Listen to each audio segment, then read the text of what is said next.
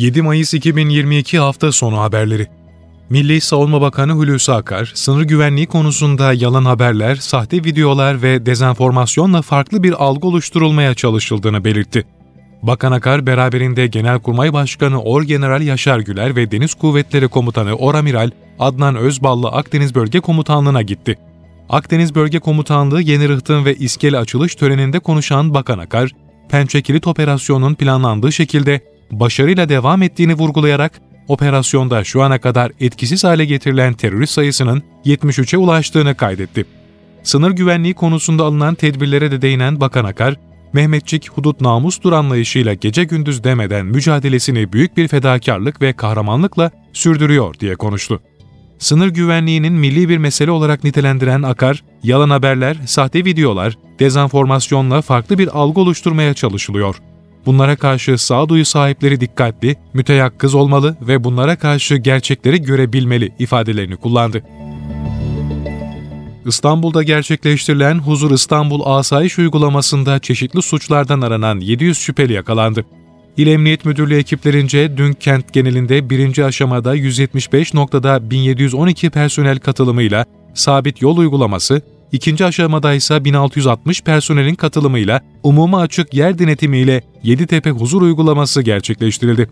Denetimlerde 172.490 kişinin genel bilgi toplama sorgulaması yapılırken çeşitli suçlardan aranan 700 şüpheliyle yoklama kaçağı 253 kişi yakalandı. Türkiye'de dün 1743 kişinin COVID-19 testi pozitif çıktı, 7 kişi hayatını kaybetti. Günlük koronavirüs tablosuna göre dün 135 bin test yapıldı. 1743 yeni vaka tespit edildi. 7 kişi virüs nedeniyle hayatını kaybederken iyileşenlerin sayısı ise 2239 oldu. Ukrayna Genelkurmay Başkanlığı 24 Şubat'tan bu yana devam eden savaşta ölen Rus asker sayısının 25 bini geçtiğini duyurdu. Ukrayna Genelkurmay Başkanlığı'ndan Rus ordusunun 24 Şubat 7 Mayıs dönemindeki kayıplarına ilişkin açıklama yapıldı. Rus ordusunun son 24 saatte 200 askerini daha kaybettiği bildirildi. Açıklamada Rus ordusunun toplam 25.100 asker kaybettiği ve Ruslara ait 199 uçak, 155 helikopter, 1112 tank, 2713 zırhlı araç, 509 top, 172 roket atar sistemi ve 84 hava savunma sisteminin imha edildiği belirtildi. Küba'nın başkenti Havana'da dün bir otelde meydana gelen patlamada hayatını kaybedenlerin sayısı 18'e yükseldi. Küba Devlet Başkanlığı'ndan yapılan açıklamada gaz kaçağından kaynaklanan şiddetli patlama nedeniyle ölenlerin sayısının arttığı bildirildi.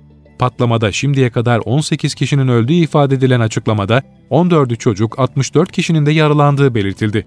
Küba basınına göre otelde bir süredir devam eden tadilat çalışması kapsamında borulara gaz akışı sağlanırken patlamanın yaşandığı öne sürüldü.